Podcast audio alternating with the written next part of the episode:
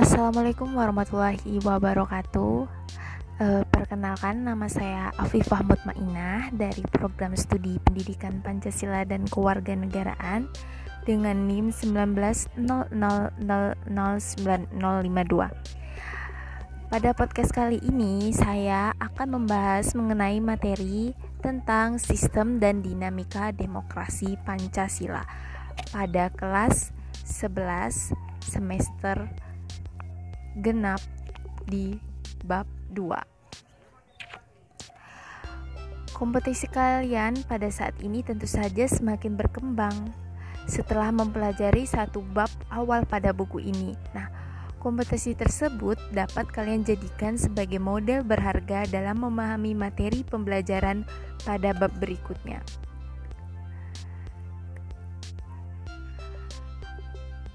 Yang pertama, untuk lebih paham mengenai judul bab materi pada hari ini, kita akan membahas tentang hakikat demokrasi terlebih dahulu. Nah, sebelum itu, hakikat demokrasi yang pertama ada makna demokrasi.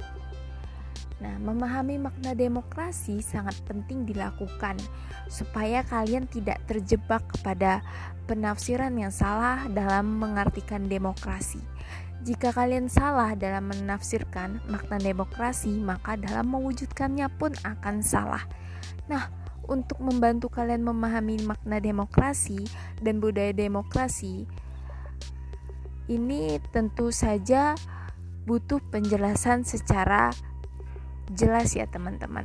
Nah, kata demokrasi ini berasal dari dua kata dalam bahasa Yunani, yaitu demos yang berarti rakyat dan kartos atau kertain yang berarti pemerintahan sehingga demokrasi ini dapat diartikan sebagai pemerintahan rakyat.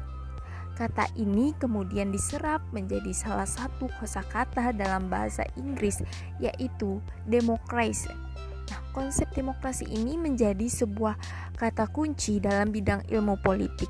Hal ini menjadi wajar sebab demokrasi ini saat ini disebut-sebut sebagai indikator perkembangan politik suatu negara.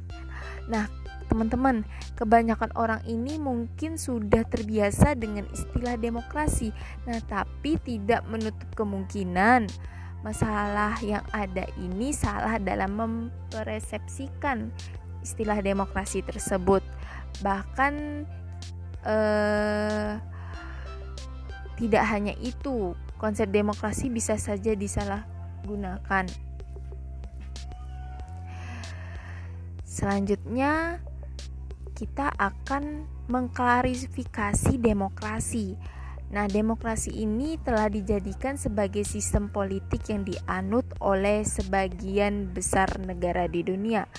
Meskipun demikian, dalam pelaksanaannya itu berbeda-beda, bergantung dari sudut pandangnya masing-masing. Keanekaragam sudut pandang inilah yang membuat demokrasi dapat e, dikenal dari berbagai macam bentuk.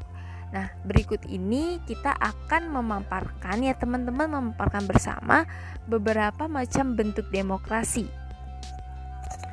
Jadi teman-teman, uh, macam bentuk demokrasi itu dibagi menjadi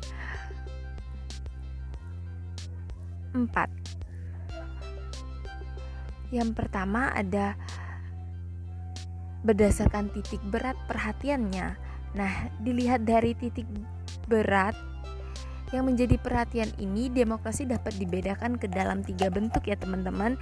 Yang pertama demokrasi formal, yaitu suatu demokrasi yang menjunjung tinggi persamaan dalam bidang politik tanpa disertai upaya untuk mengurangi atau menghilangkan kesenjangan dalam bidang ekonomi. Nah, bentuk demokrasi ini dianut oleh negara-negara liberal, teman-teman.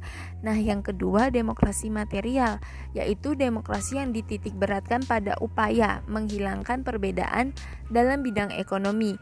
Nah, sedangkan persamaan dalam bidang politik kurang diperhatikan bahkan kadang-kadang dihilangkan bentuk demokrasi ini dianut oleh negara-negara komunis. Yang ketiga itu ada demokrasi gabungan, yaitu bentuk demokrasi yang mengambil kebaikan serta membuang keburukan dan bentuk demokrasi formal dan material ini tentunya dianut oleh negara-negara non-blok. Yang kedua ada berdasarkan ideologinya.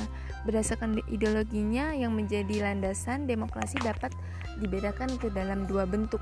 Yang pertama, demokrasi konstitusional atau bisa disebut dengan demokrasi liberal ini demokrasi yang didasarkan pada kebebasan atau individualisme. Nah, ciri-ciri khas pemerintahan pada demokrasi konstitusional ini adalah kekuasaannya, pemerintahannya terbatas dan tidak diperkenakan banyak melakukan campur tangan dan bertindak sewenang-wenang terhadap rakyatnya. Nah, kekuasaan pemerintahan dibatasi oleh konstitusi. Yang kedua ada demokrasi rakyat atau demokrasi proletar. Nah, dalam pengertian demokrasi rakyat atau demokrasi proletar ini teman-teman bahwa demokrasi tersebut didasarkan pada paham marxisme atau komunisme. Demokrasi rakyat mencita-citakan bahwa kehidupan yang tidak mengenal kelas sosial manusia ini dibebaskan dari keterkaitan kepada pemilikan pribadi tanpa ada penindasan serta paksaan.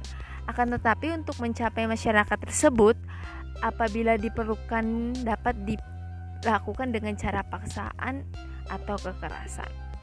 Nah, berdasarkan proses penyaluran kehendak rakyat, e, menurut cara penyaluran kehendak rakyat, demokrasi dapat dibedakan ke dalam dua bentuk, yaitu demokrasi langsung e, artinya paham demokrasi yang mengikut sertakan setiap warga negara dalam permusyawaratan untuk menentukan kebijaksanaan umum negara atau undang-undang secara langsung. Yang kedua ada demokrasi tidak langsung yaitu paham demokrasi yang dilaksanakan melalui sistem perwakilan.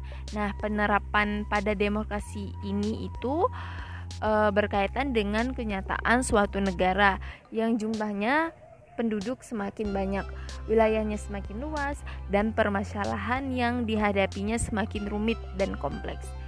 Demokrasi tidak langsung atau demokrasi perwakilan ini biasanya dilaksanakan melalui pemilihan umum atau pemilu. Yang ketiga ada prinsip-prinsip demokrasi. Nah, prinsip-prinsip demokrasi ini teman-teman e, berbicara mengenai demokrasi ini kita tidak akan terlepas dari pembicaraan tentang kekuasaan rakyat. Nah, seperti yang diungkapkan pada bagian sebelumnya bahwa demokrasi merupakan pemerintahan dari rakyat oleh rakyat dan untuk rakyat. Nah, kita lihat sebagai secara eksplisit ditegaskan bahwa rakyatlah pemegang kekuasaan yang sebenarnya. Demokrasi sebagai sistem politik yang saat ini dianut oleh sebagian besar negara di dunia tentu saja memiliki prinsip-prinsip yang berbeda dengan sistem yang lain. Menurut Henry B. Mayo, sebagian dikutip oleh Miriam Budiarjo dalam buku yang berjudul Dasar-dasar Ilmu Politik mengungkapkan e, prinsip dari demokrasi yang akan mewujudkan suatu sistem politik yang demokratis. Adapun prinsip-prinsip tersebut sebagai berikut, teman-teman. Yang pertama adalah menyelesaikan perselisihan dengan damai dan secara melembaga. Yang kedua ada menjamin terselenggaranya perubahan secara damai dalam suatu masyarakat yang sedang berubah. Yang ketiga ada menyelenggarakan pergantian pimpinan secara teratur. Nah, kemudian menurut alumni sebagaimana dikutip oleh Siburian dan Syafiwah dalam buku yang berjudul Ilmu Kewarganegaraan, suatu negara dapat disebut berbudaya demokrasi apabila memiliki soko guru demokrasi ini.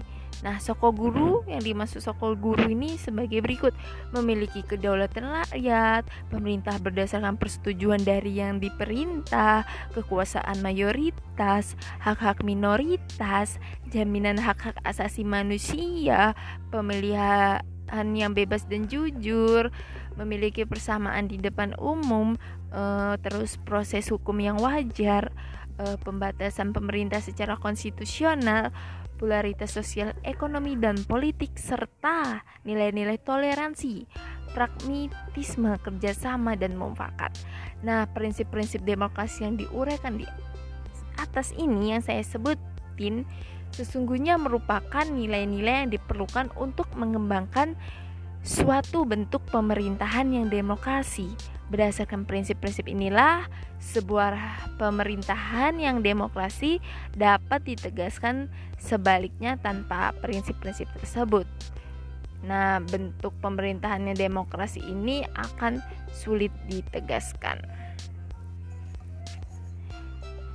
Nah, teman-teman, hmm, tadi udah mempelajari tentang hakikat demokrasi.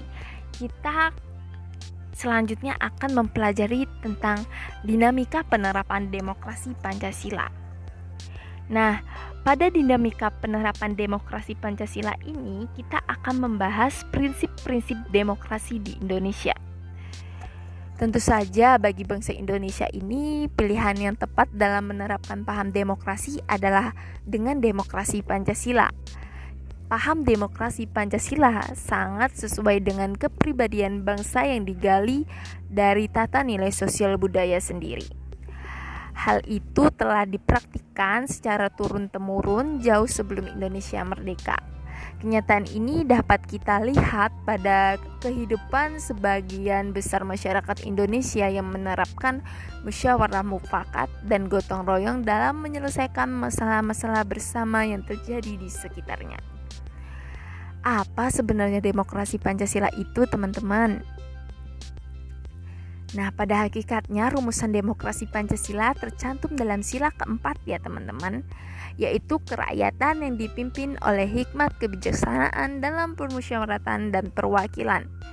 Rumusan tersebut pada dasarnya merupakan rangkaian totalitas yang terkait erat antara satu sila dan sila yang lainnya, atau bisa disebut bulat dan utuh. Hal tersebut senada dengan yang diungkapkan oleh Noto Negoro yang menyatakan demokrasi Pancasila adalah kerakyatan yang dipimpin oleh hikmat kebijaksanaan dalam permusyawaratan perwakilan yang berketuhanan yang Maha Esa, yang berperi kemanusiaan, yang adil dan beradab, yang mempersatukan Indonesia, dan yang keadilan sosial bagi seluruh rakyat Indonesia. Menurut teman-teman, eh, bagaimana dengan prinsip demokrasi Pancasila? Nah, Ahmad Sansuni mengutarakan 10 pilar demokrasi konstitusional Indonesia menurut Pancasila dan Undang-Undang Dasar Negara Republik Indonesia tahun 1945. Yang pertama ada demokrasi yang berketuhanan yang Maha Esa. Maksud di sini yaitu demokrasi ini menyelenggarakan kenegaraan Republik Indonesia harus taat asas konsisten atau sesuai dengan nilai-nilai serta kaedah-kaedah ketuhanan yang Maha Esa. Yang kedua ada demokrasi dengan kecerdasan mengatur dan menyelenggarakan demokrasi menurut UUD 1905 bukan dengan kekuatan naluri, kekuatan otot, atau kekuatan masa semata-mata. Tapi pelaksanaan demokrasi ini justru lebih menuntut kecerdasan rohaniah, kecerdasan akliyah, kecerdasan nasional, dan kecerdasan emosional. Yang ketiga ada demokrasi yang berkedaulatan rakyat. Maksud demokrasi yang berkedaulatan rakyat bahwa kekuasaan tertinggi ada di tangan rakyat. Nah, secara prinsip rakyatlah yang memiliki memegang kedaulatan itu. Dalam batas-batas tertentu, kedaulatan rakyat itu dipercayakan kepada wakil-wakil rakyat di MPR, DPR, DPD atau dan DPRD. Selanjutnya ada demokrasi dengan rule of law Hal ini mempunyai empat makna penting. Pertama, eh, kekuasaan negara Republik Indonesia harus mengandung, melindungi, serta mengembangkan kebenaran hukum atau legal fraud. Bukan demokrasi ugal-ugalan, demokrasi degilan atau demokrasi manipulatif. Yang kedua, kekuasaan negara memberikan keadilan hukum atau legal justice. Nah, maksud di sini bukan demokrasi yang terbatas pada keadilan formal dan pura-pura. Yang ketiga ada kekuasaan negara menjamin kepastian hukum atau legal security. Yang keempat, kekuasaan negara mengembangkan manfaat atau kepentingan hukum atau legal interest seperti kedamaian dan pembangunan bukan demokrasi yang justru mempopulerkan fitnah dan hujatan atau menciptakan perpecahan, permusuhan dan kerusakan. Yang keempat, ada demokrasi dengan pemisahan kekuasaan negara. Nah, demokrasi menurut Undang-Undang Dasar Negara Republik Indonesia tahun 1945 bahwa bukan saja mengakui kekuasaan negara Republik Indonesia yang tidak tak terbatas secara hukum, melainkan juga demokrasi itu dikuatkan dengan pembagian kekuasaan negara dan diserahkan kepada badan-badan negara yang bertanggung jawab. Selanjutnya ada demokrasi dengan hak asasi manusia. Maksudnya ialah menurut UUD 1945 mengakui HAM ini tujuannya bukan saja menghormati hak-hak asasi manusia teman-teman melainkan terlebih-lebih untuk meningkatkan martabat dan derajat manusia seutuhnya. Selanjutnya ada demokrasi dengan pengadilan yang merdeka Demokrasi menurut Undang-Undang Dasar Negara Republik Indonesia tahun 1945 menghendaki diberlakukannya sistem pengadilan yang merdeka atau independen yang memberikan peluang seluas-luasnya kepada semua pihak yang berkepentingan.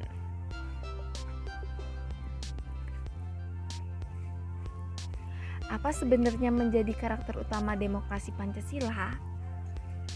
Karakter utama ini demokrasi Pancasila ada sila keempat yaitu kerakyatan yang dipimpin oleh hikmat kebijaksanaan dalam permusyawaratan perwakilan. Dengan kata lain, demokrasi Pancasila ini mengandung tiga karakter utama teman-teman yaitu kerakyatan, permusyawaratan, dan hikmat kebijaksanaan. Nah, tiga karakter tersebut sekaligus berkedudukan sebagai cita-cita luhur penerapan demokrasi di Indonesia, teman-teman. Nah, cita-cita kerakyatan merupakan bentuk penghormatan kepada rakyat Indonesia dengan memberikan kesempatan kepada rakyat Indonesia untuk berperan untuk terlibat dalam proses pengambilan keputusan yang dilakukan oleh pemerintah. Nah, cita-cita permusyawaratan meme memecahkan keinginan untuk mewujudkan negara persatuan yang dapat mengatasi paham perseorangan atau golongan. Adapun cita-cita yaitu hikmat kebijaksanaan merupakan keinginan bangsa Indonesia nih bahwa demokrasi yang diterapkan di Indonesia merupakan demokrasi yang didasarkan pada nilai-nilai ketuhanan, eh, perikemanusiaan, persatuan, permusyawaratan dan keadilan.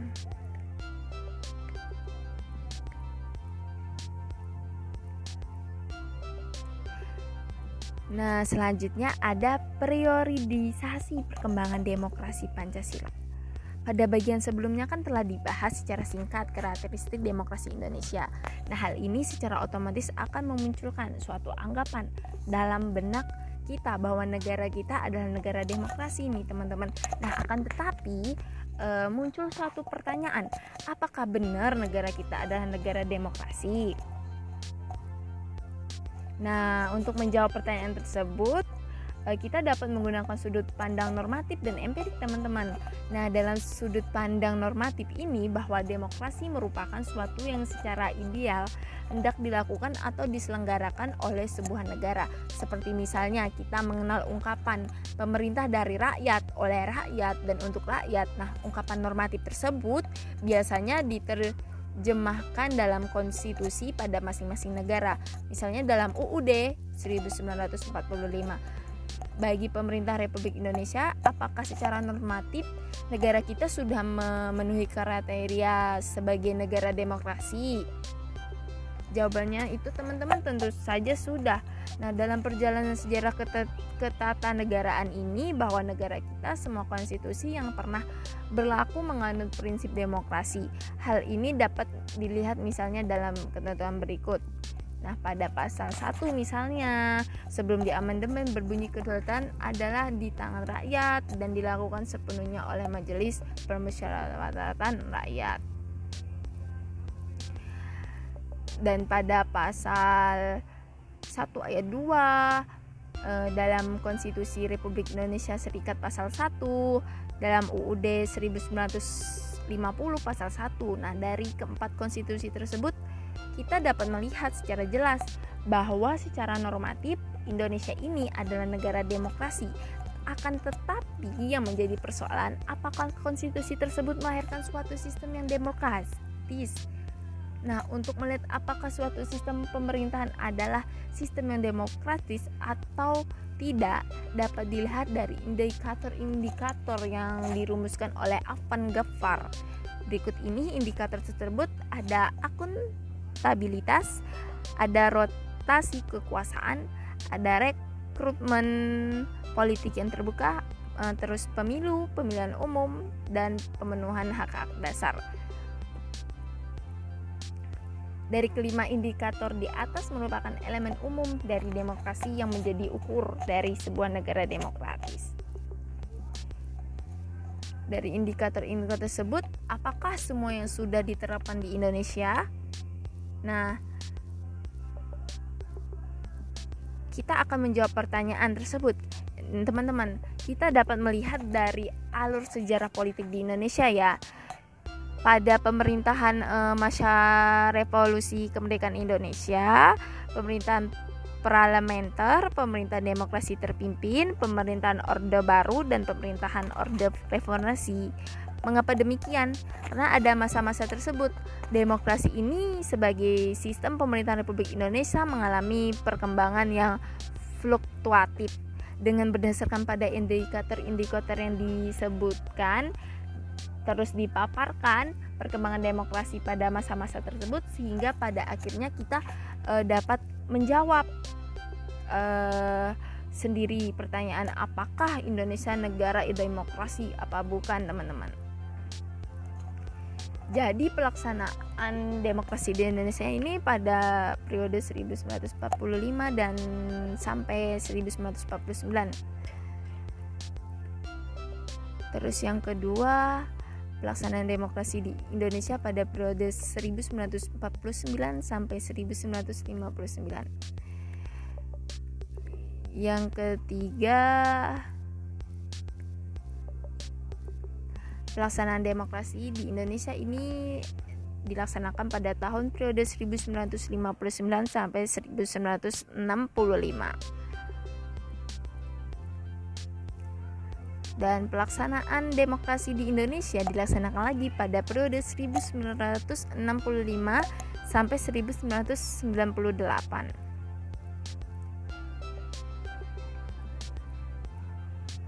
Nah, pada pelaksanaan demokrasi di Indonesia pada periode 1998 sampai sekarang ini eh, penyimpangan-penyimpangan yang terjadi pada masa pemerintah Orde Baru uh, akhirnya membawa Indonesia pada krisis multidimensi yang di awalnya dengan badai krisis monter yang tidak kunjung reda teman-teman. Nah, krisis monter tersebut membawa akibat pada terjadinya krisis politik. Tingkat kepercayaan rakyat terhadap pemerintah begitu kecil tapi tidak hanya itu, eh, kerusuhan-kerusuhan terjadi hampir di semua belahan bumi Nusantara ini. Nah, akibat ini bisa ditebak pada pemerintahan Orde Baru di bawah pimpinan Presiden Soeharto meskipun kembali terpilih dalam sidang umum MPR di bulan Maret tahun 1998 terperosok ke dalam kondisi yang diliputi oleh berbagai tekanan politik, baik dari luar maupun dalam negeri. Dari dunia internasional, terutama Amerika Serikat, secara terbuka meminta Presiden Soeharto mundur dari jabatan sebagai presiden. Nah, dari dalam negeri ini timbul gerakan massa yang dimotori oleh mahasiswa. Menurut Presiden Soeharto mundur dan jabatan. Nah, tekanan dari masa pencapaian puncak ini kita tidak kurang dari 15.000 mahasiswa itu mengambil alih di gedung DPR atau MPR yang mengakibatkan proses politik nasional ini praktis lumpuh.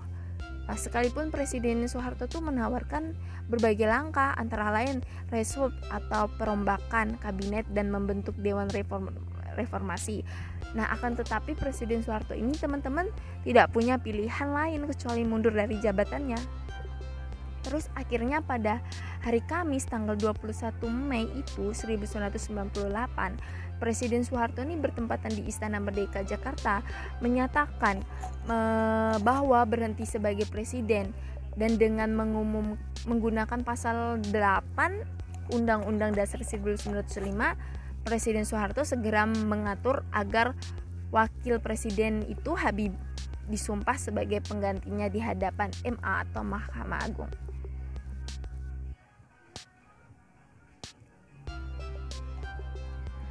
Nah, DPR ini dalam tahun 1998 tuh tidak dapat berfungsi karena apa teman-teman? Karena gedungnya diambil oleh oleh mahasiswa. Nah, saat itu kepemimpinan nasional segera beralih dari Soeharto ke Habibie. Hal ini merupakan jalan baru demi terbukanya proses demokratis di Indonesia kendati diliputi oleh kontroversi tentang situs hukumnya pemerintah Presiden Habibie mampu bertahan selama satu tahun.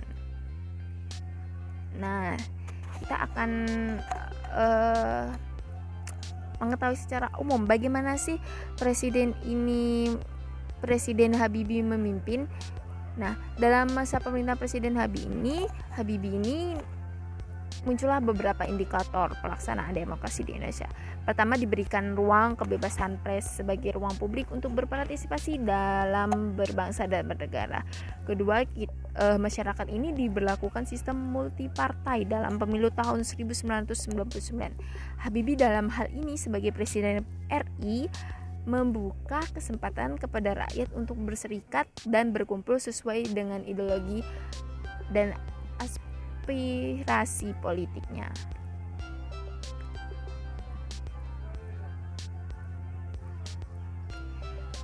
Nah, selanjutnya udah membahas tentang demokrasi di Indonesia, kita akan membahas tentang bagaimana sih membangun kehidupan yang demokratis di Indonesia ini. Nah, membangun kehidupan yang demokratis di Indonesia ini yang pertama itu salah satunya pentingnya kehidupan yang demokratis. Maksudnya ini setelah kalian membaca dan mendengarkan, mengetahui podcast ini dari uraian materi sebelumnya, coba teman-teman pikirkan apakah negara kita merupakan negara yang demokratis? Mengapa kehidupan demokratis itu penting? Nah, untuk menjawab pertanyaan tersebut, eh, kita harus memahami uraian materi. Ini teman-teman. Nah pada hakikatnya sebuah negara itu dapat disebut sebagai negara yang demokratis. Ini apabila di dalam pemerintahan tersebut rakyat memiliki persamaan di depan hukum memiliki kesempatan untuk berpartisipasi dalam pembuatan keputusan dan memperoleh pendapatan yang layak karena terjadinya distribusi pendapatan yang adil serta memiliki kebebasan yang bertanggung jawab. Nah, kebebasan yang bertanggung jawab maksudnya dari urean-urean tersebut eh, ada beberapa bagian nih. Pers yang pertama itu persamaan kedudukan di muka hukum. Hukum itu mengatur bagian seharusnya penguasaan bertindak, bagaimana hak dan kewajiban dan penguasaan dan juga rakyatnya. Rakyat memiliki kedudukan yang sama di depan hukum. Artinya, hukum harus dijalankan secara adil dan benar, teman-teman. Yang kedua ada partisipasi dalam pembuatan keputusan di dalam negara yang mengandung sistem politik demokratis ini, kekuasaan tertinggi berada di tangan rakyat dan pemerintahan dijalankan berdasarkan kehendak rakyat. Aspirasi dan kemauan rakyat harus dipenuhi dan pemerintahan dijalankan berdasarkan konstitusi yang merupakan arah dan pedoman dalam melaksanakan kehidupan bernegara. Yang ketiga, ada distribusi pendapatan secara adil. Maksudnya teman-teman di sini dalam negara demokrasi, semua bidang dijalankan dengan berdasarkan prinsip keadilan termasuk di dalam bidang ekonomi. Nah, semua warga negara berhak memperoleh pendidikan yang layak. Pemerintah wajib memberikan bantuan kepada fakir dan miskin atau mereka yang berpendapatan rendah, teman-teman. Nah, akhir-akhir ini pemerintah menjalankan program pemberian bantuan langsung tunai. Hal tersebut dilakukan dalam upaya e, membantu para fakir miskin. Pada kesempatan ini, pemerintah terus giat membuka lapangan kerja agar masyarakat dapat memperoleh penghasilan. Selanjutnya ada kebebasan yang bertanggung jawab.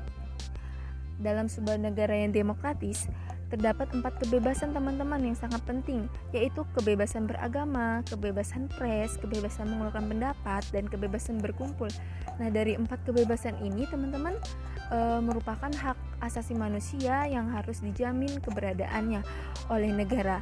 Akan tetapi, dalam pelaksanaannya mesti bertanggung jawab Artinya kebebasan yang dimiliki oleh setiap warga negara tidak boleh bertentangan dengan norma-norma yang berlaku. Nah, dengan kata lain, kebebasan yang dikembangkan adalah kebebasan yang tidak tak terbatas, yaitu kebebasan yang dibatasi oleh aturan dan kebebasan yang memiliki dimiliki oleh orang lain, teman-teman.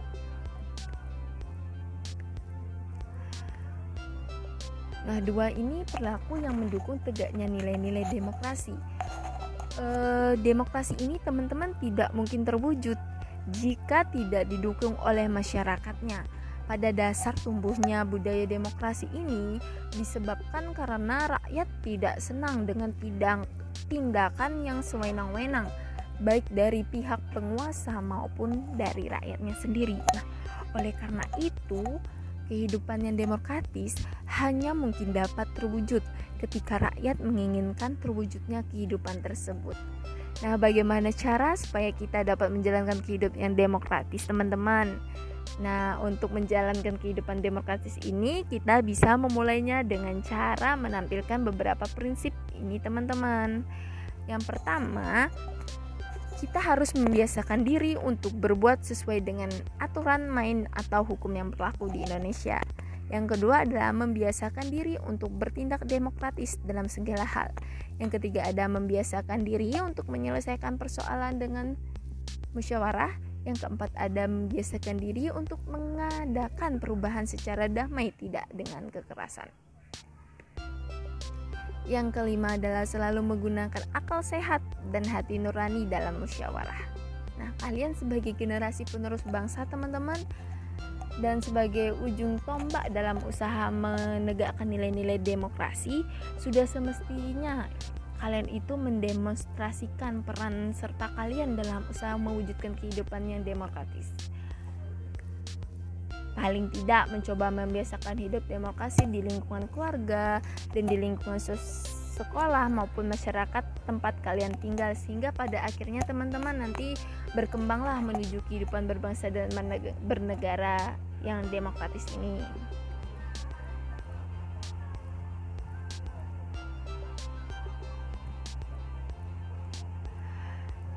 Nah, teman-teman, untuk itu eh, materi pada bab 2 cukup sekian ya. Mohon maaf apabila ada kesalahan kesalahan kata yang disengaja maupun tidak disengaja. Yang baik datangnya dari Allah dan yang buruk datangnya dari saya sendiri. Saya akhiri. Wassalamualaikum warahmatullahi wabarakatuh